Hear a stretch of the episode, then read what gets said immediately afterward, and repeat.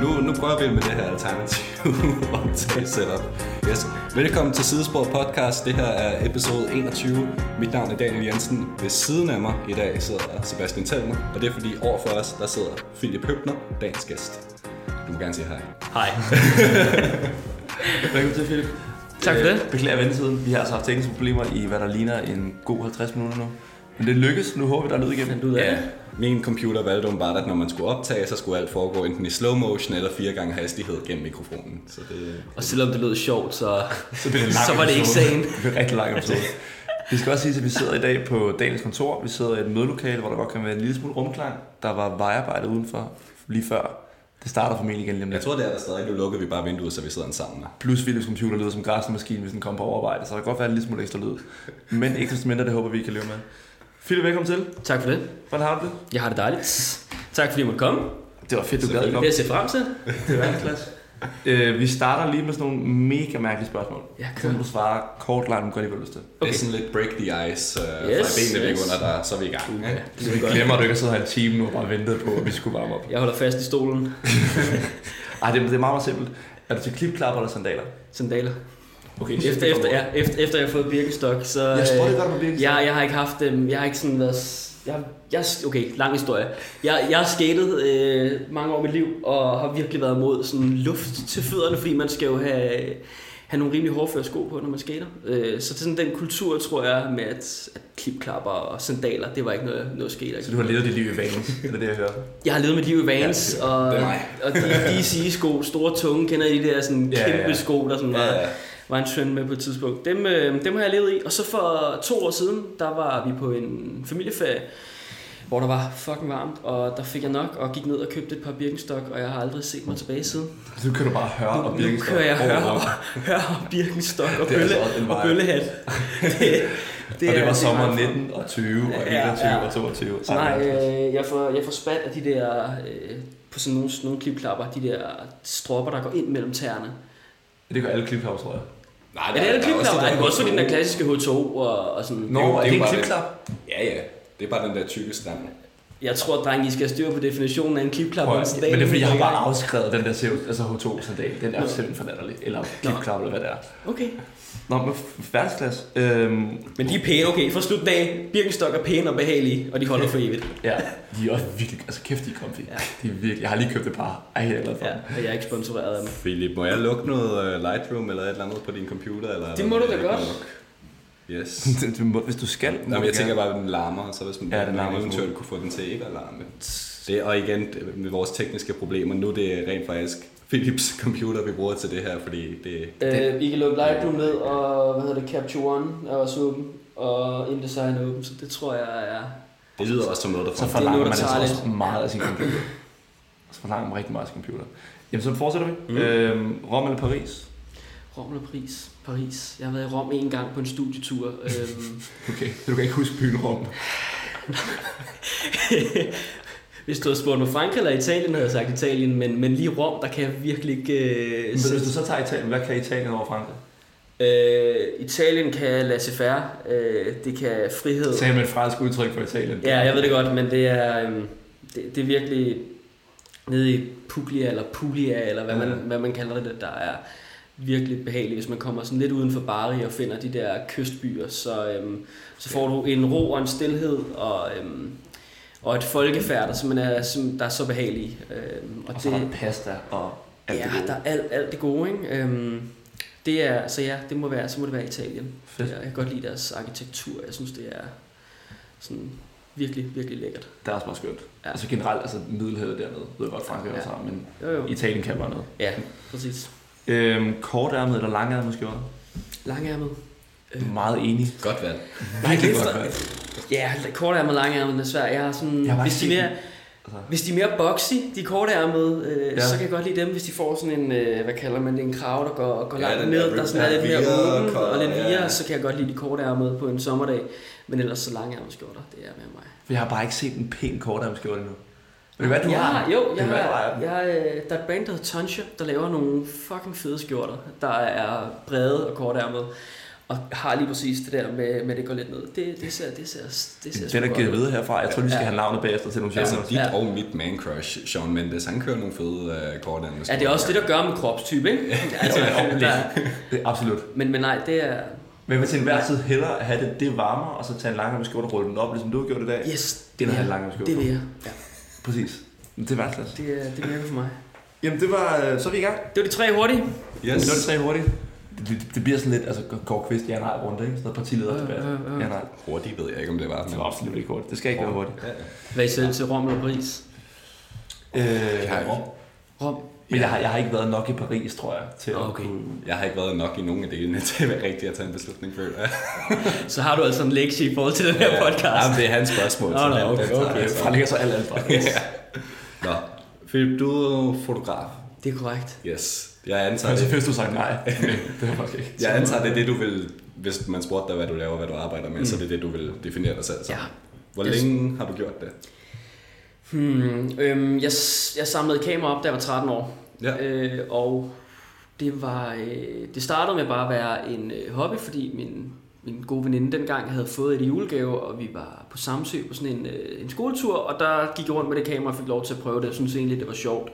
Det startede med naturbilleder og sådan noget. Så jeg gik op i den lokale fotobutik og købte mig et, et øh, Nikon D5000, tror jeg det hed dengang. Uha, vi er meget... Jeg havde den Nikon D5100. Ja, så der var jeg lige...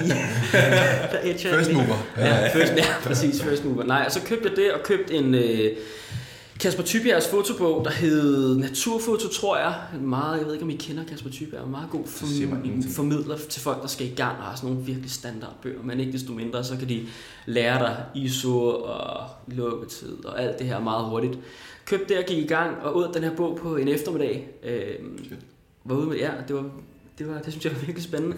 Og så, så, så derefter, så tror jeg, går der to år, hvor jeg tager lidt billeder frem og tilbage til nogle, nogle fester og sådan lidt af hvert, og har det bare lidt med, øh, den type person, der lidt altid har et kamera med over skulderen. Og så havde jeg nogle venner, der havde band, øhm, som spurgte, hey Philip, kan du ikke tage nogle billeder til vores band for, jeg tror var 300 kroner eller sådan noget, Mm. lige ned i lommen. Og så, øh, og så tror jeg, jeg fandt ud af derefter, jamen det her, det kunne man måske godt øh, skalere og leve af. Altså det var ligesom, der skulle ikke meget mere til end den lille taster, før det gik op for mig, at, at det, i gåsøjne, det, det, det er nemmere, end man lige tror, at, at tjene penge på det, man synes er sjovt. Øh, og så gik jeg så stille og roligt i gang med at jagte. Jeg fik en, øh, en, en mentor her i København, øh, og, og så kom det ligesom på benene. Jeg kom med til nogle ting, fik lov til at prøve, hvordan er det at tjene penge på det her. Ja. Og så fik jeg nogle, jeg tror det var lidt heldigt i starten, fik nogle relativt store kunder. Øhm, og så da jeg var 18, var jeg ligesom klar til at skyde det afsted, flytte til, jeg skulle lige gøre gymnasiet færdigt. Jeg var 19, flyttede jeg til København. Ja. Øh, fra Næstved, hvor jeg kommer fra. Og så, øh, og så er det egentlig fungeret der. Jeg har altid kørt, kørt det sideløbende med uddannelse, øhm, men, men ellers så, er det, så det, har jeg ikke set mig tilbage derfra. Så det har været et langt projekt. Jeg er 24 år nu, så det må være 11 år, jeg har fået Ja.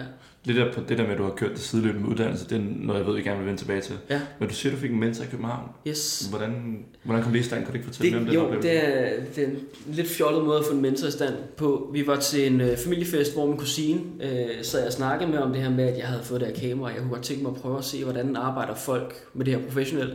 Og så siger hun, jamen, min veninde har en ekskæreste, der er fotograf.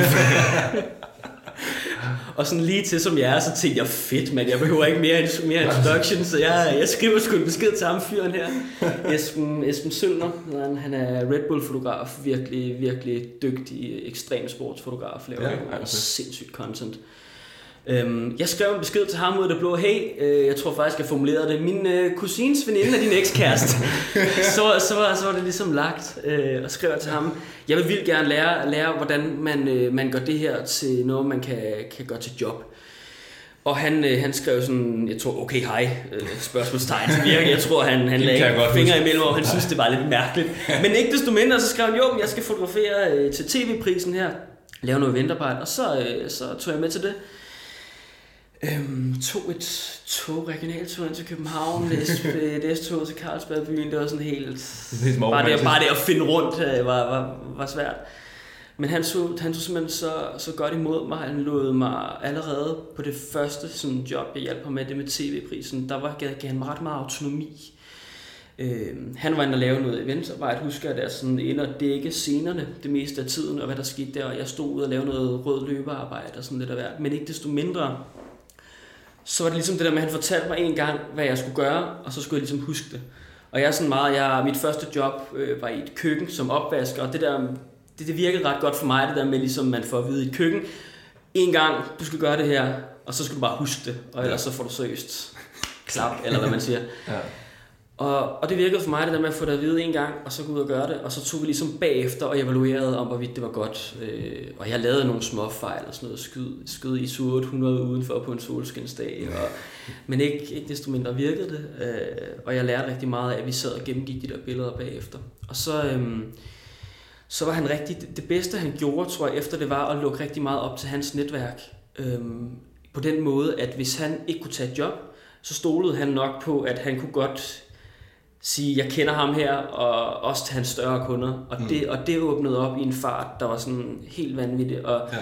og jeg tror altså til den dag i dag, der, der, er sådan, der var på et tidspunkt, hvor jeg, hvor jeg lavede sjov med, at jeg skylder ham 80% af min omsætning til starten. altså det var, det åbnede så meget op for, at jeg kunne få en ro over, at, at jeg ikke skulle lave så meget opsøgende arbejde, som, mm. som jeg ved, der er en, en, en kamp med for nogen, når de starter op med bare det der med at få, få prikket hul ind til den niche, man godt vil arbejde med. Det kan være en kæmpe kamp. Og Ja. der tror jeg, der fik jeg sådan lidt en, en blød landing i, i den verden, på grund, af, på grund af det, han gav mig.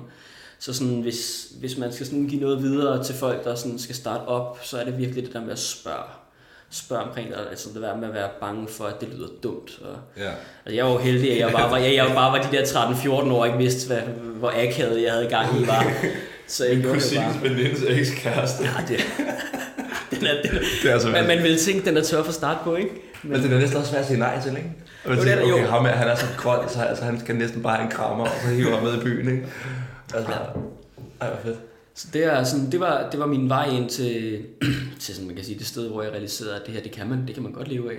Mm. Og så er der jo også det, når det er, man starter i den alder, så skal du ikke sørge for din husleje, du skal ikke sørge for, for alt muligt øh, økonomisk. Altså jeg skulle bare sørge for at overtale mine forældre til, at det var fornuftigt, at jeg tog til København og brugte mine, mine dage på det, mens de betalte for min skole.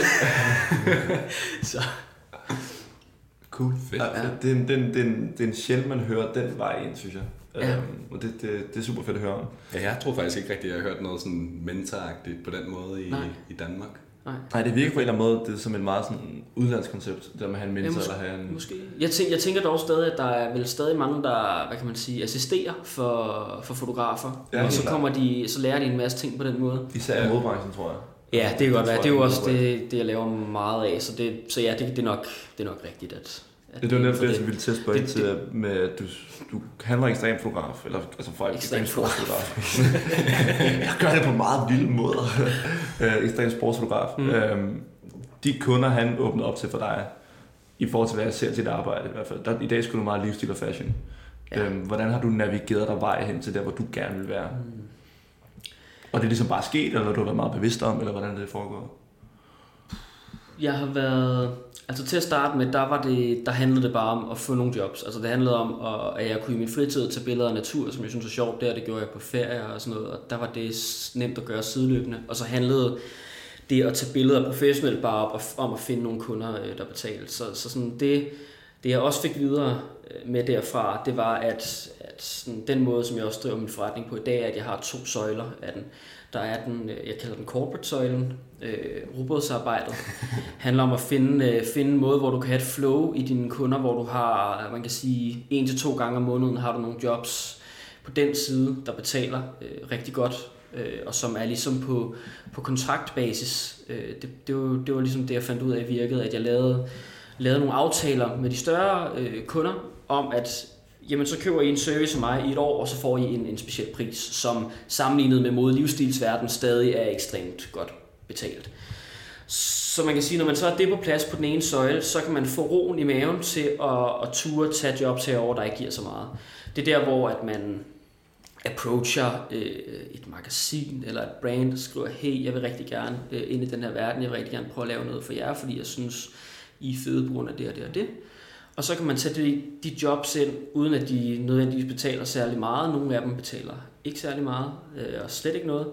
Og så, og så kan man ligesom få lov til at vise sit værd, fordi jeg tror, i, i sådan, ja, nu blander jeg det mode, livsstils, magasinverden, er meget sådan noget med vis dit værd i et år, øh, få dit navn lidt på, ikke på kortet, sådan nødvendigvis sådan eksternt, men ind at, der ligesom er nogen inde i branchen, der tæller sammen om, at du lavede noget godt arbejde for dem.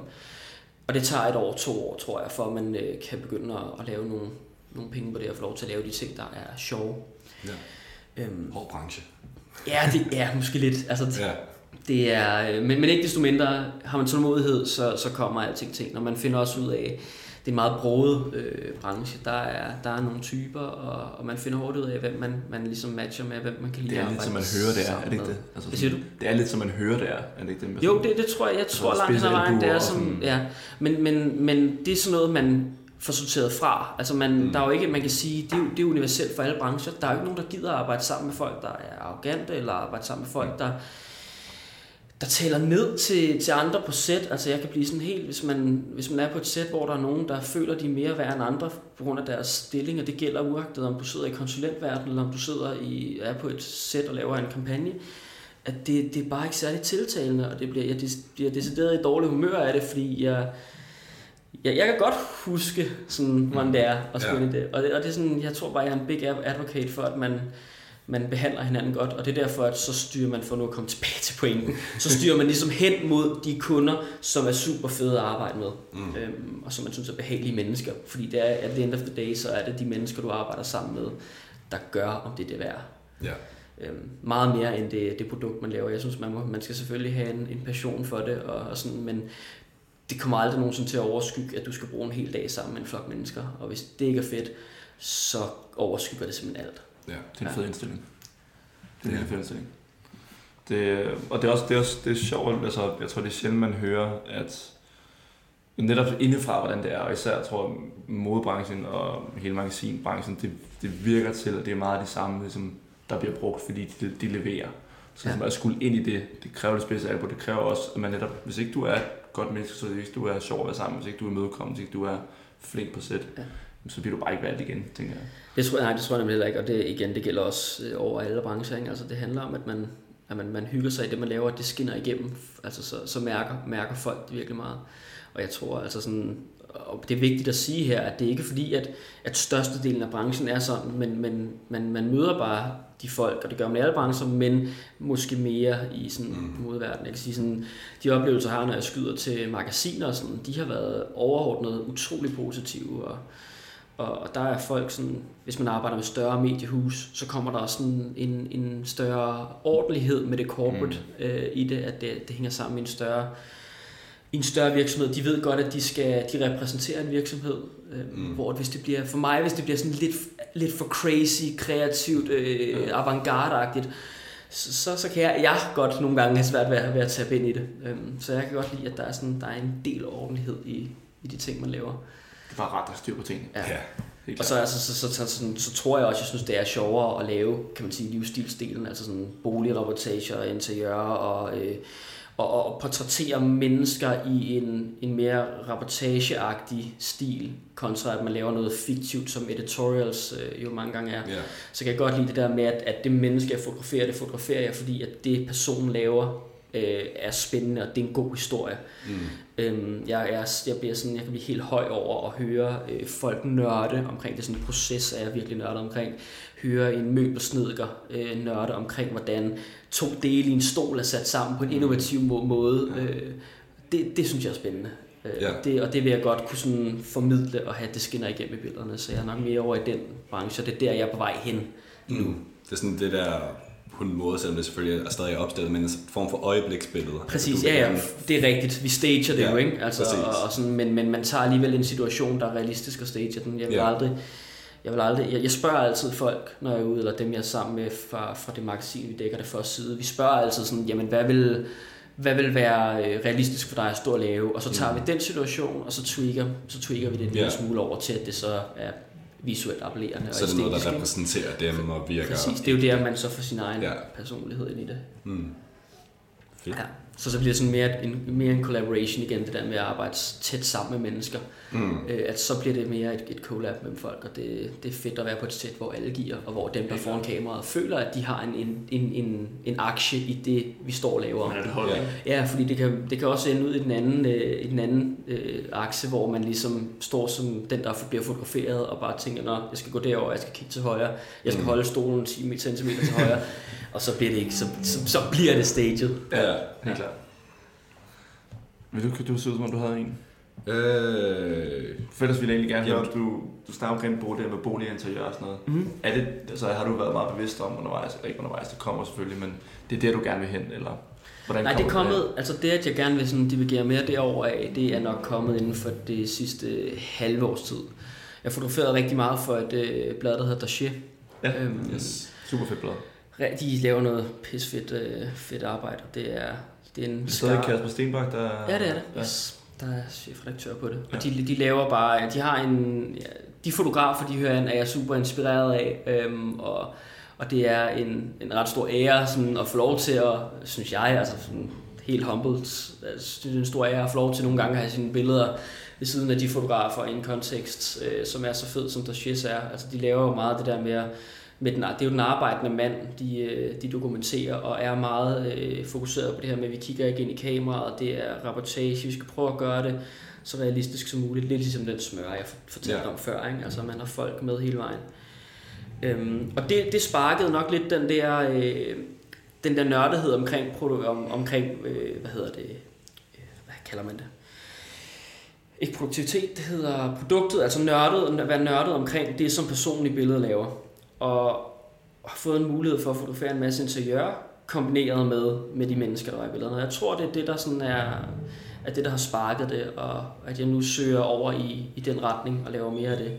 Jeg synes, det er, det kan, jeg kan komme helt op og køre over et flot interiørbillede, og det gerne kan også virkelig være lækkert, når man ser noget, der er virkelig godt lavet. Ja, Ja. præcis. Det fordi, meget fordi jeg synes, til at starte med, synes jeg, de var meget polerede, de billeder, man ser i, i nogle magasiner, uden at nævne navne, altså sådan, hvor det er meget, sådan, vi, vi tager et kæmpe stort rum med nogle betonvæg, og så sætter vi to stole i det. Ja. og så det er meget sådan, stringent og sådan. Ja, ja, ja, hvor at sådan, jeg tror, det er, Det er så klassisk, det der. Det er Ja, så jamen, det er, det er meget klassisk, og det, og det, det tror jeg bare, jeg fandt ud af, at nu mere jeg lavede en slags interiørbilleder sammen med, med Dossier specielt, der var det bare, at du kan sagtens tage spaces, der er mere... Øhm, der divergerer væk fra det. Der er mere sådan øh, spaces, vi lever i, og, Mm. mm. som, som er realistiske. Og det- jordnære på ja, ja, præcis. Apartamento, også hvis I kender det magasin Super fedt blad.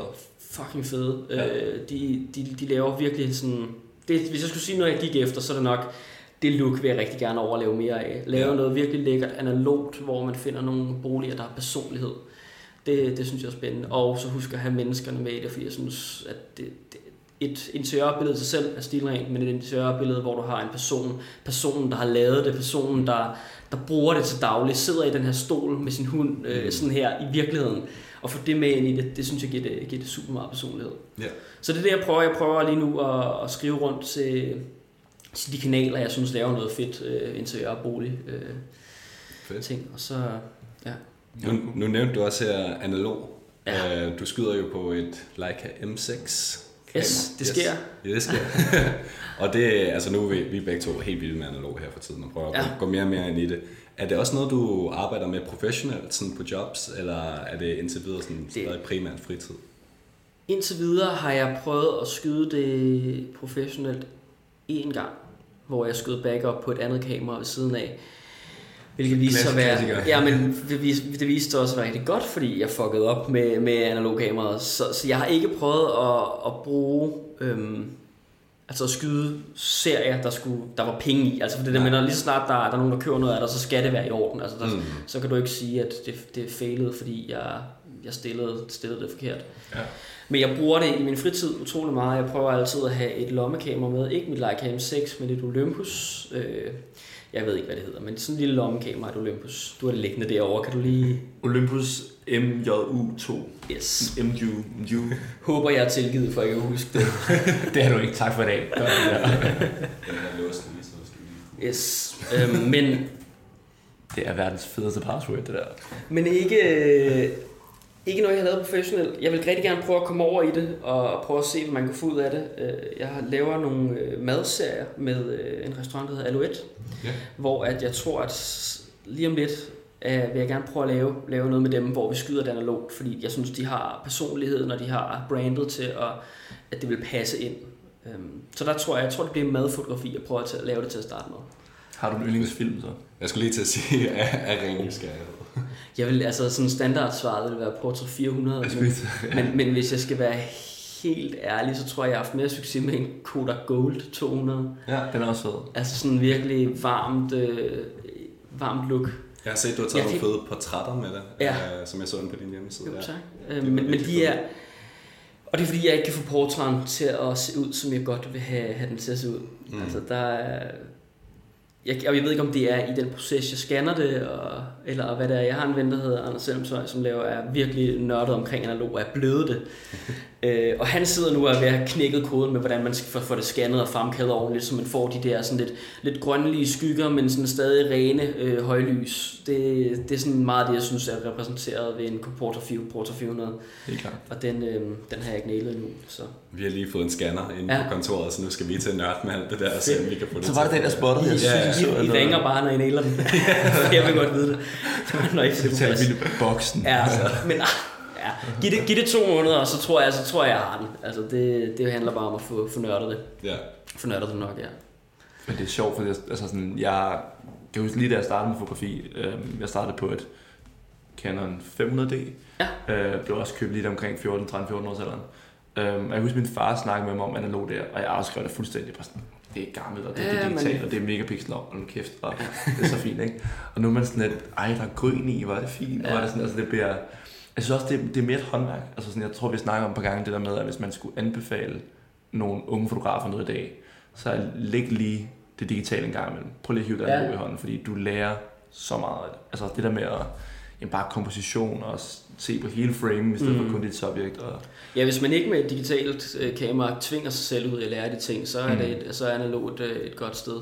Men jeg vil sige, det jeg kan lide ved analog er egentlig ikke det der med at nørde, øh, altså at skulle indstille tingene selv. Det er mere lukket, så jeg vil være meget mere en, der skød på et point-shoot analog end på dagsordenen helt. Fordi det, nu har jeg været igennem en rejse med Leica-kameraer, både M10 og M6, og jeg købt ind i den der idé om, at man bruger tid og, og sådan virkelig nørder omkring framet, men jeg tror for, og det har noget med temperament at gøre, jeg tror for mig, der blev det for meget, øh, for meget øh, nørd omkring det, og ikke så meget fokus på det, der var foran kameraet.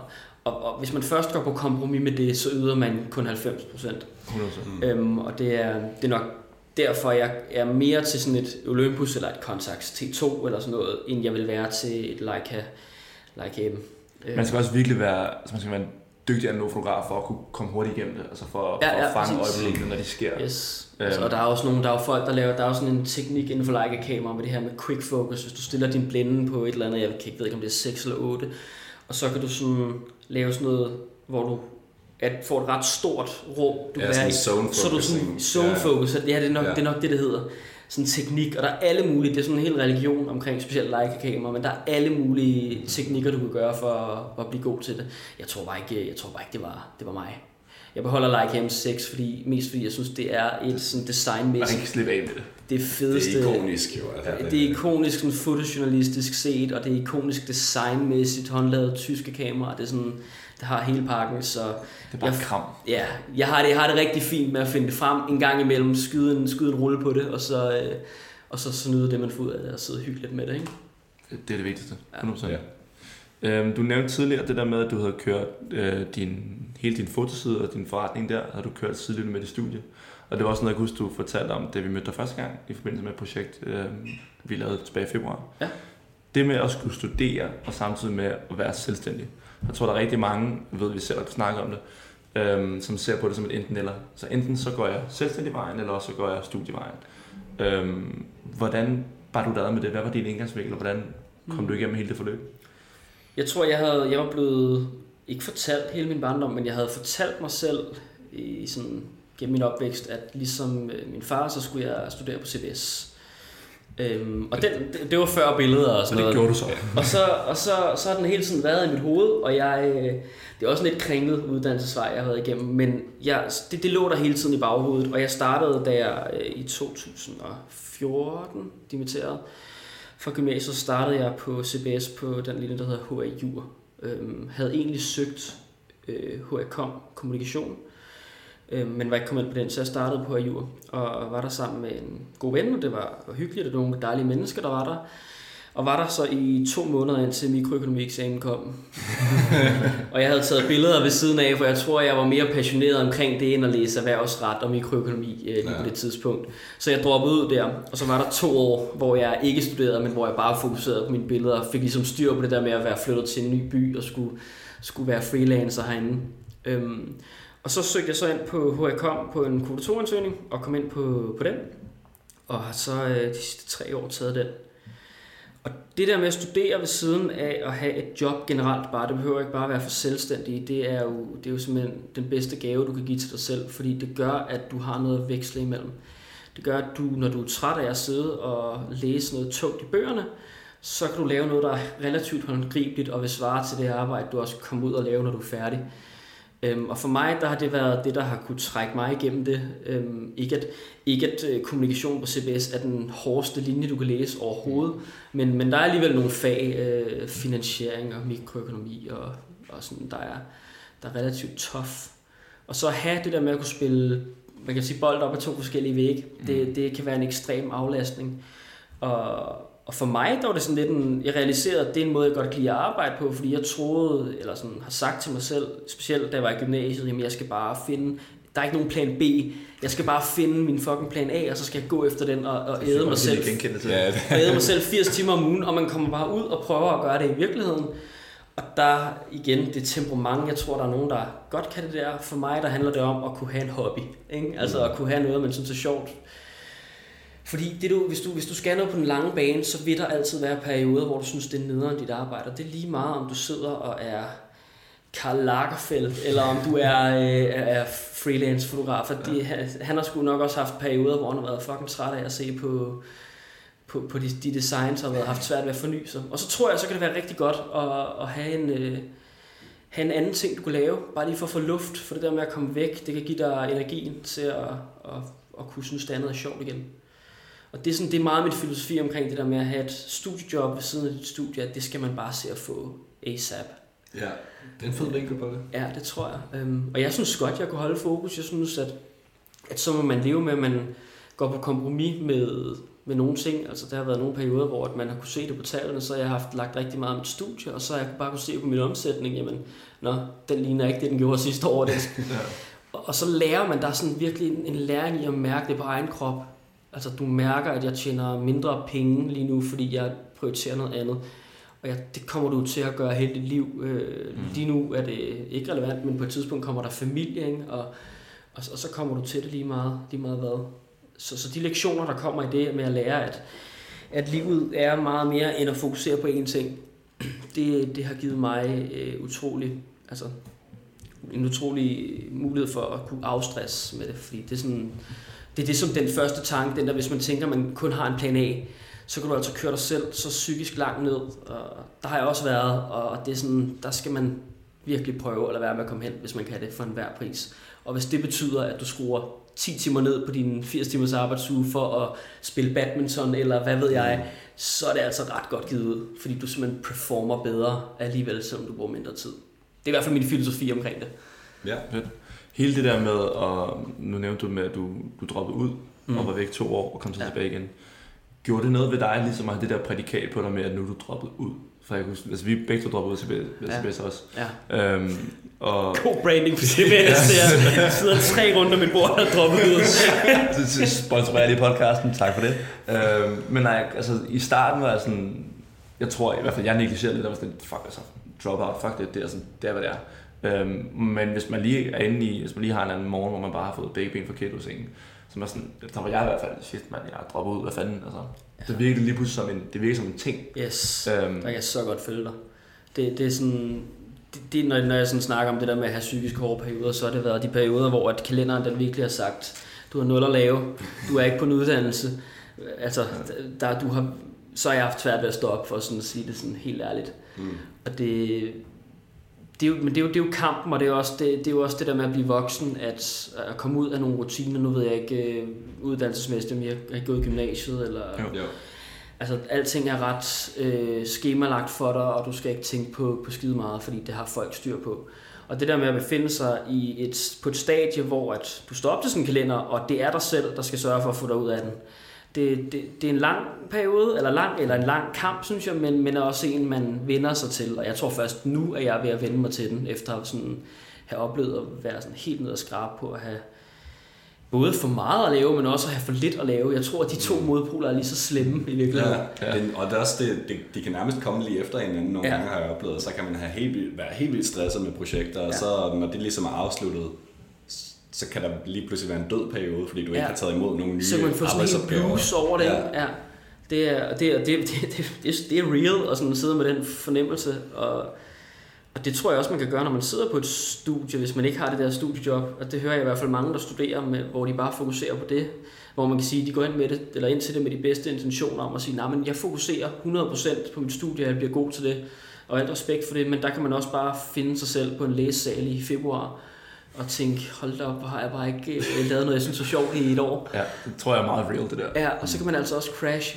Øhm, men for mig var det der med at have de to år der, øh, med de udfordringer der med at have, mm. vel at mærke uger, hvor man ikke har særlig meget at lave, så var de to år rigtig fine at have, fordi jeg fik styr på at få et kundeportefølje, der var solidt og have et grundlag for at ikke at skulle stresse over i hvert fald økonomien i det. Og så komme tilbage til CBS og have nogle studiekammerater og, og, og få lov til at se, hvad går der bag facaden på det, vi laver, som jo i virkeligheden er billeder og også kommunikation. Mm.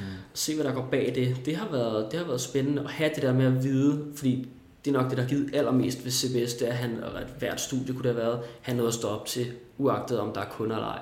Der er altid en øh, læsesal, der kan vente på dig, der er altid en forelæsning, du kan tage til. Og det gav mig muligheden for ikke at stresse over at have en tom kalender. Øhm, Det er interessant vinkel, synes jeg. Det, det, er, det er super fedt, for det, det er sjældent, at man hører, igen hører den vinkel. Øhm, Ja. Og jeg tror, der er netop bekræfter, at der er mange, der ser det som enten eller. Så bliver det også, når det er irriterende, hvis jeg skal være på studiet, så kan jeg ikke bruge tid på min fotografi, eller hvad det nu er, jeg er engageret i. mm. Men omvendt også, når jeg er mega meget her, så har jeg dårligt samvittighed over, at jeg ikke er på studiet. Ja. Øh, men det der med at se studiet som værende noget at stå op til, og det er en, igen, der er måske i virkeligheden tryghed i, eller en eller anden form for schema, der i hvert fald kan vente på dig. Ja, det er der. Og det, det kan godt være, at det ikke er for alle, men jeg tror, hvis, hvis det er det, man kommer fra, og man er vant til den der dagligdag, der er ret, øhm, ret skemalagt, så, så kan det tage lidt, altså det kan tage toppen af det chok, det kan være at skulle, skulle være selvstændig og være freelance, og, og sådan fylde noget ind Mm. i ens øh, dagligdag. Det gør det i hvert fald for mig. Nu nævner du også det her med, at øh, altså fotografi også er kommunikation. Er det også, øh, så du føler også, at med uddannelsen er det noget, du kan bruge og sådan, i din hverdag som fotograf, altså til dit arbejde nu? Det er noget, nogle af de ting, du har lært på uddannelsen? Der er noget i kundekommunikation i hvert fald. Der er noget i, hvordan du, øhm, hvordan du har et, øh, et forhold til dine kunder. Hvordan, øhm, hvordan du sørger for at tænke det, du laver i billeder ind i deres større strategier. Og øhm, der er det derfor, man kan sige, det jeg snakker om med søjlerne før, med at dele det op, at min corporate søjle, der har det givet ret meget. Der har det givet meget at kunne sætte sig ind og forstå, jamen hvis jeg skal lave employer branding billeder til, deres, til nogens øh, strategi for det kommende år, så kan jeg sidde og snakke med dem, og jeg kan forstå det sprog, de taler, og jeg kan forstå, hvor de vil hen med det, og derfor så ved jeg også, hvad jeg skal gøre i mine billeder, og hvad jeg skal undgå. Øhm, altså i starten, det kan jo lige så godt være ærligt at sige, i starten, da jeg snakkede med, det var nogle af mine største, første kunder, de, de corporate kunder, i starten, da jeg sad til møder med dem, og de snakkede om CSR og employer branding og sådan noget, jeg sad og fattede brik. Jeg sad med min notesbog, jeg sad til noter, CSR, employer branding, og så gik jeg hjem senere og researchede, hvad er det, jeg har snakket med om nu. Men sad og nikkede, ja, og sådan, ja, det der, altså, ja, det skal ja, jeg også præcis. skriver det noget, de tænker bare, han er dedikeret ham fattede der. det. Det tror jeg er så klassisk. Altså, kæft, hvor har jeg også Ja. den der nogle gange. Ja. Og det var sådan der, det, i virkeligheden burde man slet ikke være pinlig over ikke at vide, hvad det er, fordi det er nogle, det er nogle relativt komplekse sprogmønstre. Mm. Altså, man hører konsulenter snakke om, eller snakke i nogle gange, og, og CBS'er generelt. Ja. Der er en grund til, at man ja. siger, lad være med at snakke CBS-sprog til mig. Ja. fordi, ja. hvorfor, skulle, hvorfor skulle man vide det, hvis man ikke uh, sidder og laver organisationsteori? Og det er sikkert også forståelse for, ikke? Hvis det endelig var, man sagde, oj, det ved jeg sgu faktisk ikke lige, hvad nej, det er. Nej, præcis. Men det er bare at spørge, ikke? og så få styr på det. Men, men dengang tror jeg bare, at jeg tænkte, ej, jeg vil ikke virke, som om jeg ikke ved, hvad det er øh, I snakker om. så der er sådan, ja. Så CBS på den måde, der er CBS gavnet. Øh, gavnet. Øhm, der, jeg vil så sige, at det, der har gavnet, er mere 30% 30-70 til at 30% der er gavnet, og 70 jeg ikke kan bruge det så meget. Mm. Det meste kommer måske af det der med at være sammen med ens kunder og forstå dem, fordi det er, det er den ting, som jeg tror, mange studerende kæmper med, at du sidder og laver en masse teori, som er rigtig altså er oppe i luften og, og flyvsk, og du kan ikke øh, forstå det 100% før du har det omsat til, til rigtigt arbejde. Og det er også der, hvor at alle studerende, når de kommer ud på arbejdsmarkedet, så tænker de, hold op, de der 70% af det, jeg sidder og laver, det bruger jeg ikke i den her stilling, og jeg mm. kommer aldrig til at gøre det. Ja. Øhm, og det er måske også derfor, hvis man sådan ser det på, en, på et sådan samfundsniveau, at hvis man tæller uddannelser, så kan man godt stille spørgsmålstegn ved de her store øh, mastodonter af nogle øh, uddannelsesinstitutioner som KU og CBS og og RUK og den slags, at de, de ligesom skal, at man kan finde andre veje ind på det arbejdsmarked. At de ikke længere er at det, du skal. Du skal ikke, det har altid været sådan, at du skal bare søge ind på en uddannelse, så skal du få den der kandidat, og så skal du ud og have et arbejde. Og jeg tror, at hvis du tager et internship i stedet for på et år, jeg tror, det var Martin Thorborg, jeg hørte på et tidspunkt, sagde, at han ville hellere have en, der havde siddet og arbejdet med tingene i et år. At det var lige så meget værd som en femårig uddannelse. Og det tror jeg da også, det er, hvis du ikke vil være generalist. Mm. Altså hvis du virkelig har fundet ud af, at jamen, jeg vil gerne sidde og arbejde, øh, shippingbranchen gør det. De tager interns ind, uden du behøver at have en uddannelse, og så sidder du der og, og er i det, og det er ligesom din uddannelse. Og det, det, håb, det er da mit håb i fremtiden, at større, altså hvis vi tager konsulentverdenen, tager The Big Four eller sådan noget, at de i større grad vil tage, tage folk ind, der ikke kommer med den her tunge CBS-uddannelse eller øh, statskundskabsuddannelse, men at de kigger på, at hvis jeg nu investerer et år i den her person, bare et internship, så, øh, så kan jeg faktisk komme rigtig langt med det. Det tænker jeg både samfundsøkonomisk er en super sund tanke at tænke, kan jeg gøre fem år til et år? Så, øh, og, og kan, kan man ligesom få folk... Det er sådan en tagline. Ja, det er sådan en effektivisering. Ja, ja, ja, men vel at mærke på den gode måde. Ikke? Altså, det handler ikke om, at, at jeg synes, at du ikke skal, hvis du læser medicin, så har jeg det meget godt med, at du har studeret i 13-14 år, ja. inden, du skal til at lave, inden du skal til at skifte mine lunger ud. Ikke? internship på intensiv, så ja. i gang. Ja, ja. Skal du to uger, den kan vi lige. Ja. Men jeg vil ikke prøve at være så konservativ omkring, omkring uddannelse, som, som vi har været. Det, det giver meget ret. Det, og især tror jeg med, men det er sådan nogle uddannelser som CBS, hvor det hele er meget bredt. Altså man det kan sige, når du, hvis du mm. læser jura eller medicin ja. eller whatever, så læser du det her i så mange år, så bliver du det. Ja. Mm. Øhm, og der giver det rigtig god mening, at du kender the ins and outs, og du har været hele vejen rundt, ja. og du så videre. Præcis. Men når det er så bredt, og du lærer lidt om kommunikation, du lærer lidt om marketing, du lærer ja. lidt om virksomhedsorganisation osv., så bliver det meget bredt. Det virker meget som, som om, man lærer det, fordi Nå, det har man altid gjort. Man har mhm. altid lært det her på den her uddannelse. Ja. Så, så ja, det skal lige med. Ja, og det er jo ikke, at det ikke er alle fag, der er lige relevante med. Man kan sige, hvis man tænker CBS wise, så er det meget godt på dit første år, du lærer, har et fag, der hedder organisationsteori. Hmm. Fordi det er en god generalist ting lige meget, hvor du er. Øhm, men at bruge et et semester på at sidde og lære et nichefag. Vi havde noget, noget der hed intern kommunikation i praksis og strategisk kommunikation i praksis, hvor det handler meget om online-delen øh, af det arbejde. Og hvis du så sidder, som vi gjorde hos VS, sidder med lærebøger, hvor at de screenshots, der er for computerne, det er fra Windows 92, så, Ej, så tænker man, her der kunne I bare have sparet mange penge, venner. Ja. Øh, altså, det er, ikke, det er ikke smart. Altså, det, det giver bare ikke nogen mening. Nej. Altså, det giver virkelig mening. Det var præcis den følelse, jeg havde. Jeg tror, jeg refererede til det før. Øhm, men med oldtidskundskab i gymnasiet. hvor jeg var sådan, altså, skal, skal vi bruge to måneder på tidsbestemmelser af krukker? Du synes ikke, Iliaden var spændende? Og sådan, du sidder til mig. Prøv, jeg gik ud og troede, at vi havde haft Odysseen. Vi havde bare haft Iliaden. Altså, jeg havde ikke læst en skide bog. øhm, men det der med, kunne vi ikke måske lige have Og så, og så bare erkendt, at det her fag kan vi ikke fylde et semester ud med. Vi skal ned til halvdelen, og så lærer vi måske personal finance, Ja. siger, så lærer jeg lidt om B-skat og Ja. selvangivelser og whatever i stedet for, Ja. for eksempel. Det, det giver ret god Øhm, mening. ikke fordi det hele skal være økonomi, men bare sådan, lad os lige prøve at give jer nogle ting, som vi får brug for lige lidt. Ja. Bare det at kunne lønforhandle og kunne sende jobansøgning. Kunne, Eller prøv lige at overveje, hvis man havde en uddannelse, hvor man kunne tage, hvis man tog CBS, det er sådan en overordnet ramme, og så kunne du selv vælge, så kunne du sige, sige det her semester skal jeg gerne have de her fire fag, og så kunne du selv sætte erhvervsret og, øh, Ja. og regnskab, og hvis du vil have noget mm. organisationsteori, så kunne du sætte det sammen, og så når du kom ud på den anden side, så fik du en bachelor inden for det, du ligesom havde sat sammen. Så kunne man jo stadig holde det system, vi har i dag, og så kunne man så lade folk specialisere sig mere. Ja. Så kan man lave sådan nogle standardpakker, der hedder, jamen på dit første semester, der er det nok meget smart, du tager Mm. Det er A. B, C, D.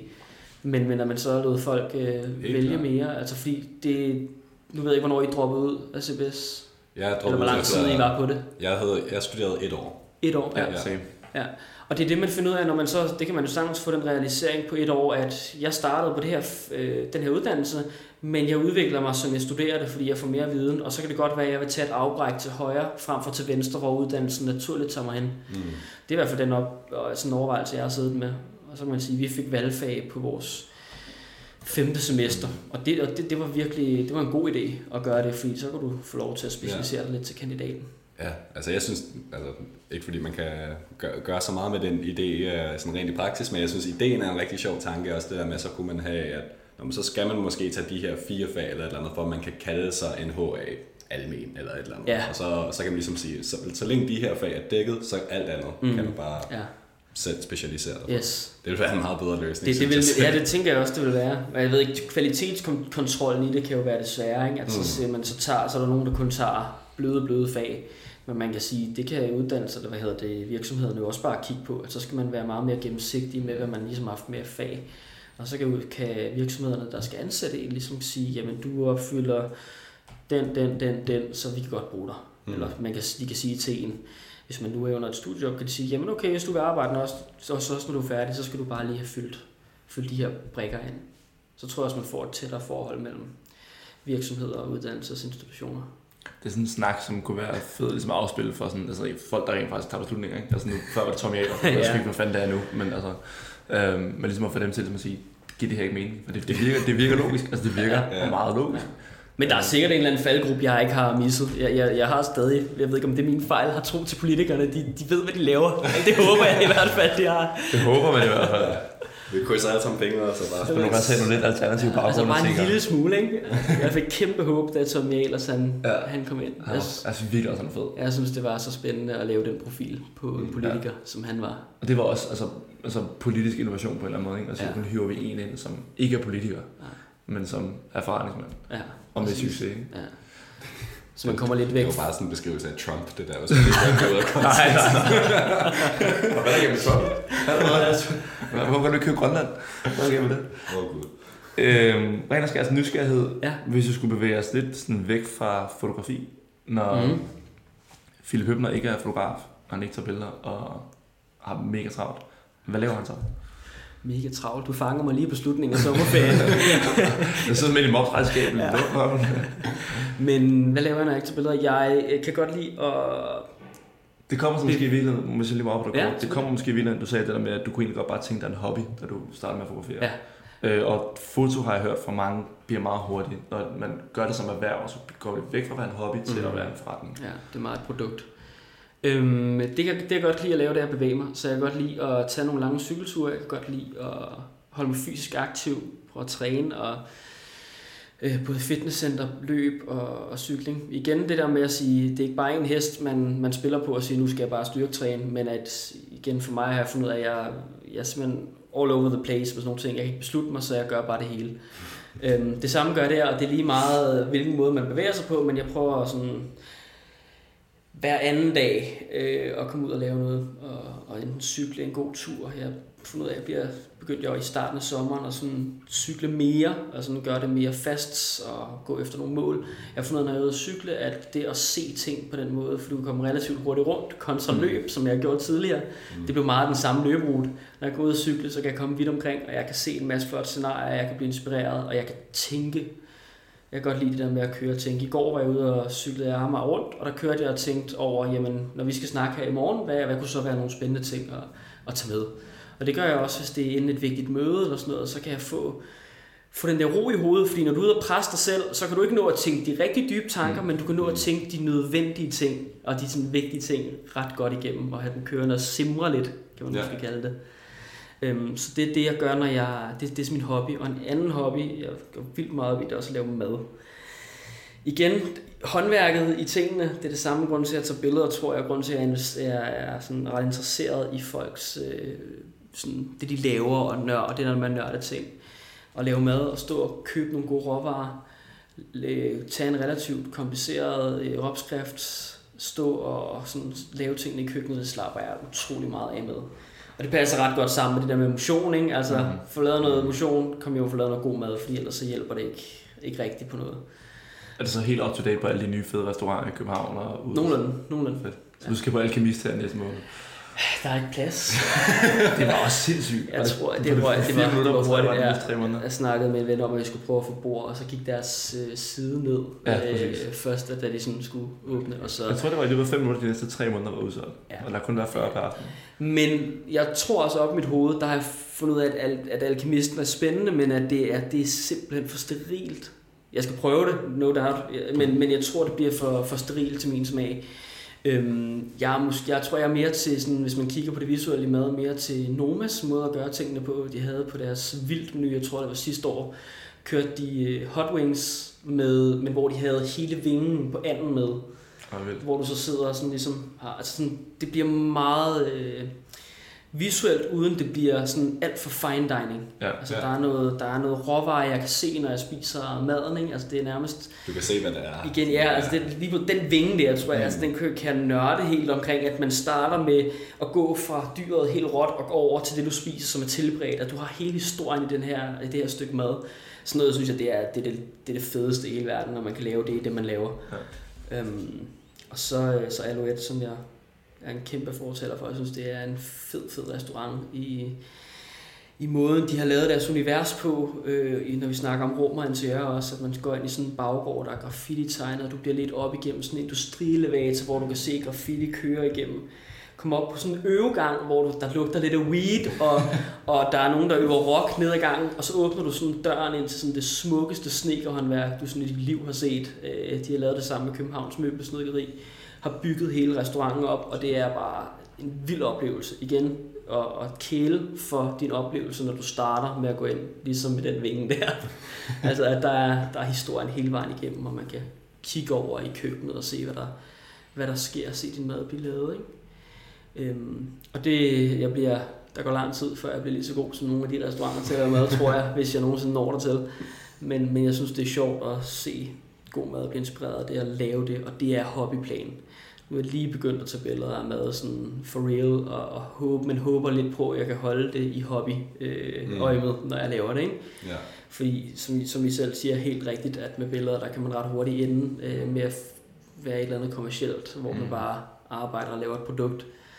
Øhm, så det må være min næste udfordring, altså det der med at kunne, kunne have noget, der er arbejde, mens det er en hobby. Altså Ja. sådan, Prøv med fotograf, du kan blive en ny Anthony Bourdain. ja, Det er for vores allesammens mål. ja. Ej, nu bliver jeg helt inspireret til at lære at blive bedre til at lave mad. Vi, Jeg ved ikke, jeg Opgradere min pastaret. Kom over, så, laver jeg, så kan vi lave noget mad sammen. Det var Du pisse skal have Bouvet i stedet for Heinz. Lad det være fredag. Jeg var faktisk her på, hvad hedder sommerferie her i sidste uge. Ja. Øh, Og var på en restaurant på Mallorca. Der var peruviansk fusionskøkken. Ja. Øh, Og det er min søster, der har fundet den.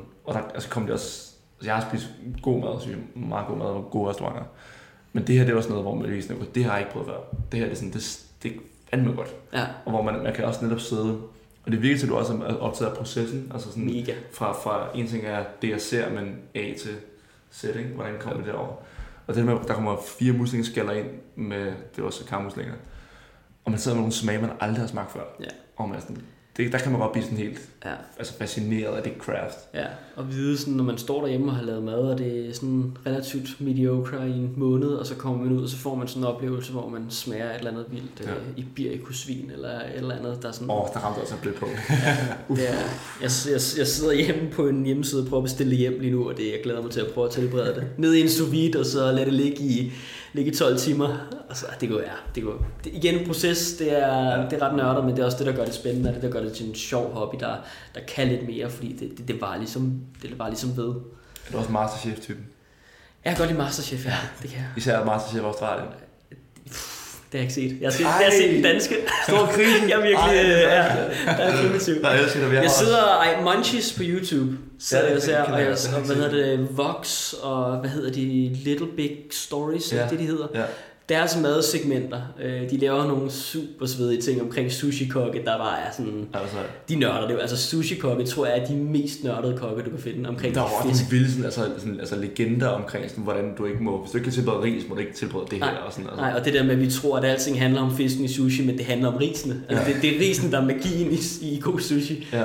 Og man er sådan, what? Og se dem stå og, og tilberede fisk, og fisken, og der er sådan, alle, alle de der processer, de, de, de er vildt spændende. Altså, det, der med, at der, er- det- der med, at der er en, der kan dedikere sit liv til at lave sushi, og ved, at sådan, den her ål skal jeg lave på den her måde, og den her anden fisk, den er giftig, og den skal jeg skære på en meget, meget præcis måde, og der skal gås jeg tror, det er ikke sådan noget med en fireårig uddannelse, man skal have for at, at sådan lave den der fisk, der er dragfisk, er ikke det, det hedder? Ja, ja, Jo, ja. jo, jo. Nej. Det Men er sådan helt, helt absurd. Nå, det synes jeg er spændende.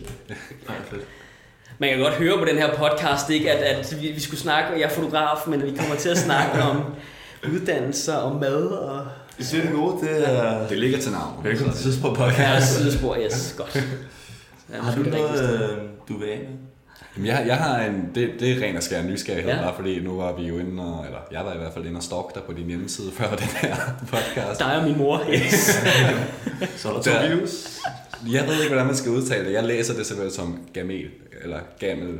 Sig det Kamel. Det er Gamel. Ja, det er gamel. Yes. Hvordan omgy. Hvor, hvad, hvad er, altså det er det navn, du ligesom bruger på din hjemmeside. Ja. Er der en grund til det, eller er det bare noget branding? Det skete eller? for et øh, år siden, da jeg redesignede min hjemmeside, og der var en af mine venner, der spurgte mig, hvorfor bruger du ikke Gamel i stedet for Høbner? Det lyder sådan fransk. Altså hvis man tager hele navnet Philippe René Gamel. Ah, det, det er en del af navnet. Ja, Yes. yes. så sådan 75 procent af mit navn er, er fransk, vel? Og så, så er jeg lige tysk høbner.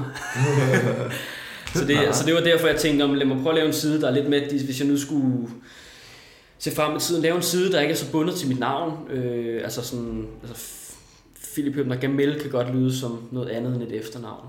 Og det tænkte jeg, det var... Det lyder meget brainagtigt. Ja, det, ja, det er lidt, mere- ja, det er lidt mere brandagtigt, og det, det tror jeg godt, jeg kunne lide til, ja. til det, det sted, hvor jeg godt vil have, have den side hen på et tidspunkt.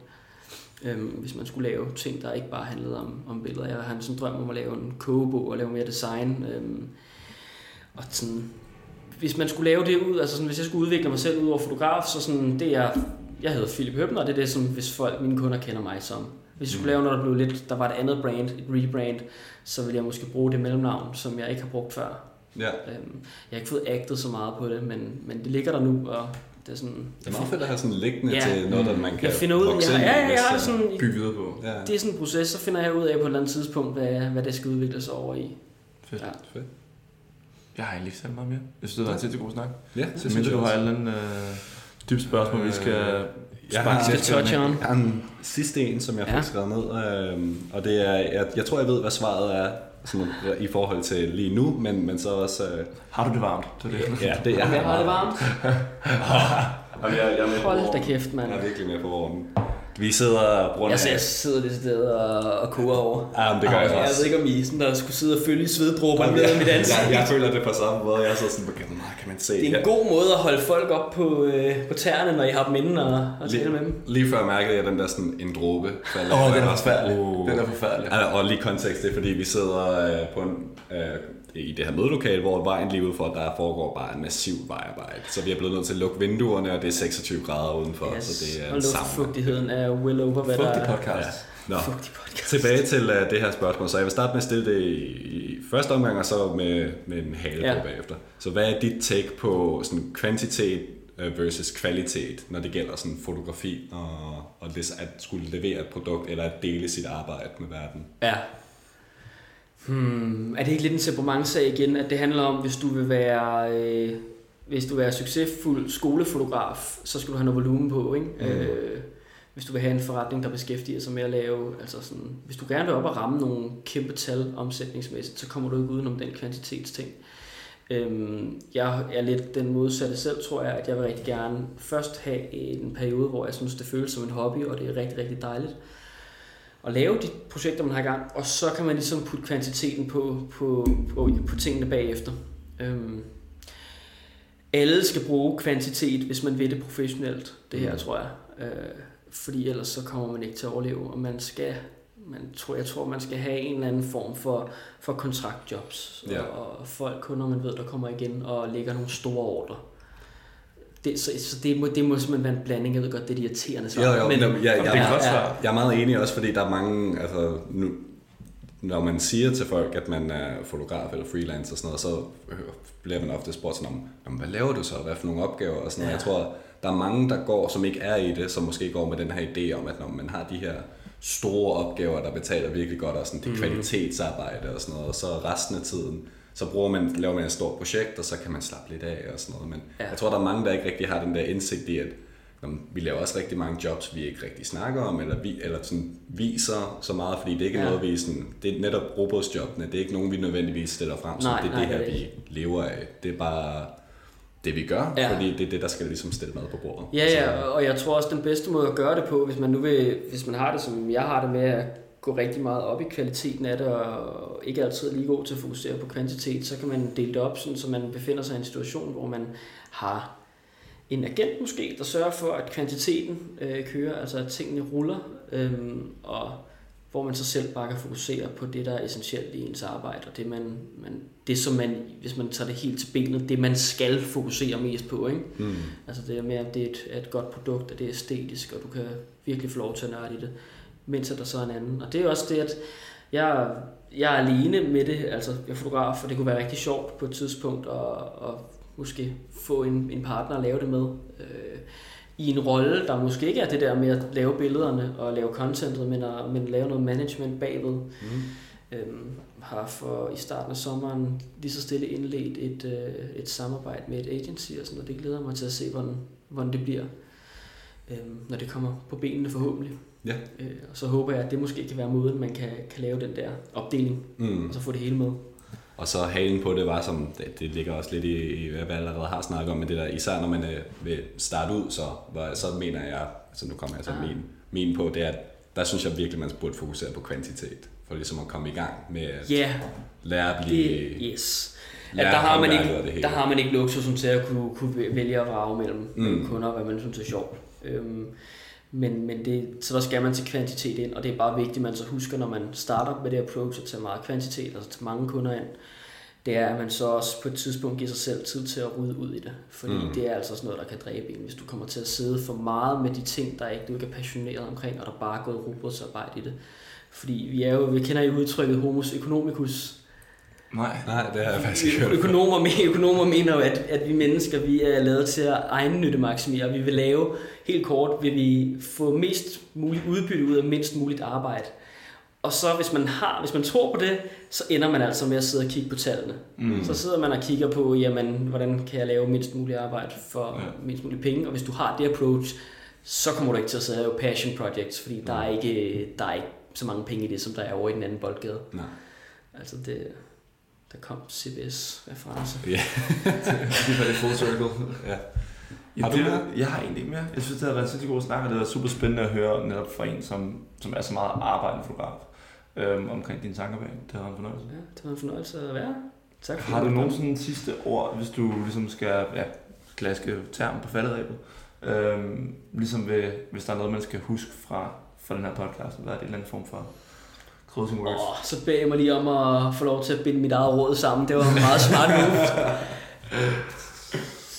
Lav mange ting, så skal en af dem nok fungere. Det tror jeg er det er, er det bedste. Den er god. Super fed. Mega god. Det er der, vi har været fordi du leverer. Feedback kan også I kan høre mig til one-liner. Sagtens. Philip Hømner, tusind tak, fordi du gad at komme forbi, og tak for din tid, og for at vi måtte tage din tid. Øhm, vi håber, vi må hive dig ind en anden gang, hvis det skulle være. Må I altid. Det var en fornøjelse. Og er der et sted, som du eventuelt gerne vil have, vi- man kan dirigere folk kendt, så de kan se dit arbejde, eller hvis de gerne vil se mere af det, du har lavet, eller... Mm. Min Instagram. Ja. Philip, øh, mit navn sat sammen med et O i stedet for et Ø. Philip Hopner. Yes. Og det er det, er det jeg opdaterer mest, tror jeg. Fedt. Podcasten selv kan I finde på Facebook, sidespor.dk. Daniel finder I som altid på Daniel S. Jensen, og jeg selv er at finde på September, også på Instagram. Det er det, vi er sammen. øhm, det var det for i dag. Yes. Tusind tak, fordi du med.